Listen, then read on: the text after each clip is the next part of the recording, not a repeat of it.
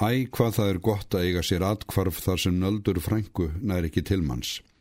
Ný og dásamleg lífserinsla að vera þar æminlega velkomin, þurfa aldrei að látast, geta verið eins og manni er eiginlegt, án þess að eiga bannfaringun að vísa hvað lítið sem ber út af. Mamma Halla er allt það sem frænka er ekki. Það er gott að heyra hann að tala, svo gott að finna hönd hennar á vanga sínum. Það getur jafnvel orðið ómátstæðileg freysting að verða þannig til reyka að hún verður að koma til skjálana, draga manni börslinn, þurka þau við eldavélina og hjálpa manni aftur í þau þurr og lí. Skrítið hvað fólk hefur misjafnar hendur. Hendur frængu eru kaldar og harðar og vond að láta hann að taka á sér en mamma Halla hefur æfinlega svo góðar hendur. Maður er kannski ekki orðin mikil og upp á aðra komin með fleira en maður kæri sig um, en samtá maður þegar sinn eigin heim sem öðrum verður ekki hleyft inn í, vil ekki Halla. Ef til vil er það ekki heimur veruleikans, en það gerir ekkert til meðan maður á hann einn. En lengdarmálið um draumheimin verður ekki hamið þegar til lengdar lætur. Það er heldur ekki heiðarlegt að halda honum lokuðum fyrir halla sem líka á sér draumheim sem stendur öllum opinn upp á gátt. Halla dreymir um að byggja hús þegar hann er orðin stór. Háreist hús með stórum gluggum svo sólinn geti náða skína þar inn í hvern krók og kema. Fólk sem býr í fallugum og sólríkum húsum lítur að vera gott og hamingjusamt. Rög Halla eru kannski ekki alls kostar sannfærandi því súgurum sem vil skjóta upp kolli að það sé ekki einlít að búa í stóru og fallegu húsi til að vera góður og hamingjusamur. En þessa grunnsemt elur maður aðeins innra með sér því hún má ekki varpa skugga á draumheim vinarins. Það er drungalegt síðdegi með slittu úr lofti. Þeir sitja við borðið í stofunni heima hjá Halla og það er ekkert sem trublar. Á borðinu likja blöð með tekningum af húsum með stórum og allavegi læginu næstuðun raunveruleg hús sem lofa mistara sinn. Hall er svo niðursokkin í teikningar sínar að hann tekur ekki eftir því að vinur hans fylgist ekki með. Fallegi draumheimurinn krefst þess að fá að rétta úr kútnum.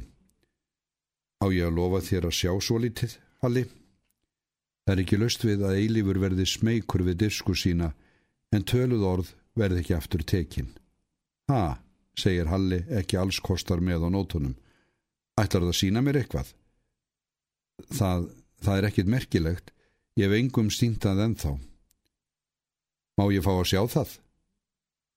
Eftir langar til. Sýndu mér það strax, segir Halli og áhuga hans tekur á sprett.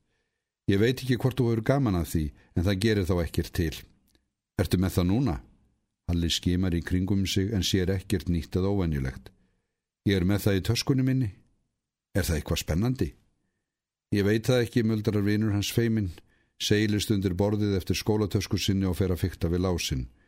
En svo óstyrkur í fingrunum að halla blöskrar klaufska hans og senlæti. Þú ert svo lengja þessu, segir hann. Svona á að fara að því, grýpur til hendi og taskan trekkur opinn. Fáinar skólabækur og stílahefti er allt sem séðverður af innihaldi töskunar, en eftir nokkurt grúsk dregur eilífur upp litla kompu sem lætur lítið yfir sér. En eftir því að dæma hvernig hann fer um hann á höndum hlítur hún að vera dýrmætt. Hann er svo litið skjálfendur þegar hann opnar hana og byrjar að fletta blöðunum.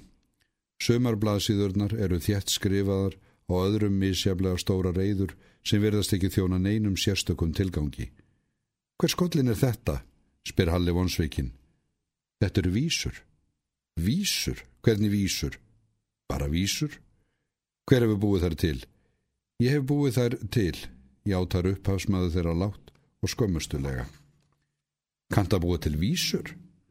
Bara svo lítið. Ég veit ekki hvernig ég fer að því. Mér detta þar bæri í stundum í hug. Alli sittur grallar á laus og veit ekki hvernig hann á að snúast við þessum nýstárlega trúnaði vinarins. Verður snakvast gramur við hann fyrir að hafa ekki trúað honum fyrir þessu lendardómi fyrir löngu. Akkur hefur ekki sagt mér að þú kynnar að búa til vísur? Segir hann næstum ásakandi. Ég veit það ekki, kannski af því að þær eru svo ómerkilegar. Hall er aldrei langrækin og minnumáttarkendi vinarins rennur honum strax til rivja. Þetta eru ábyggilega góðarvísur, segir hann sannfærendi. Þær eru ekki nógu góðar. segir skáldið niðurlút. Mamma segir að það séu bara skáld sem geti búið til vísur, segir Halli og áhugin blossar aftur upp í honum. Og fyrst hún segir það, lítur það að vera marka. Það er gott að heyra Halla segja þetta. Mamma hans meinar æfinlega það sem hún segir. Lofaði mér að heyra þær, byður Halli. Þegar komiður út í miðjána verður ekki lengur snúið við. Þá er bakkin framöndan einasta lendingin. Skáldið tekur rögg á sig og tafsar fram fáinar hendingar af blöðum bókarinnar. Fyrstist að þvælastar dálítið í munni, en eftirleikurinn verður fljótlega auðveldari og í lokinn lest að ljóð um blóm og söngfugl sem áttu sér saman leindarmálum sumar. En svo kom haustið og þá flög fuglinn til heitari landa að því hann langaði til að lifa. En blómið var bundið rótsinni og gæti ekki flóið svo það dó þegar snjórin kom. Halli tekst á loft af hrypningu þegar lesturinn er lokið. Þetta eru miklu betri vísur en þær sem við lærum í skólanum. Þú verður að lofa mamma að heyra þær. Nei, nei, mótmæli skáldið döð skelkað. Hún má ekki fá að heyra þær. Af hver ekki? spyr Halli skilningsljór. Af því, af því það má ekki neitin vita þetta nema þú. Mamma verður ekkit vond við þig.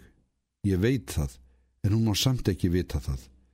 Þetta er ekki fyrsta skipti sem Halla finnst vinur sinn hlédrægur um skör fram. Þegar honum sjálfum dettur eitt hvað skemmtilegt í hug vil hann helst hrópa það svo hátt að heyrist á heimsenda. Þú verður að sverja að segja engum frá þessu, segir vinur hann svo ákveðin að Halli gefur öll mótmælu upp á bátinn. Um svardaga hefur hann að vísu óljósar hugmyndir en veit þó að til þeirra er ekki gripið nema þegar mikið likur við. Er fljótur að taka ákvörðun. Ég sver, segir hann fastmæltur. Ég skal steinhalda kæfti eins lengi og þú vilt. Trúnaðurinn er innseglaður með handtæki þvert yfir borðið. Littlu kompunni er stungið á sinn stað á milli skólabókana og svo er það þögnin einn sem ríkir. Eitt hvað hefur gest sem ekki er hægt að koma orðum að, eitt hvað stort sem á það kannski eftir að verða enn stærra. Og svo kemur mamma Halla með bröðsneðar handan þeim í svangin.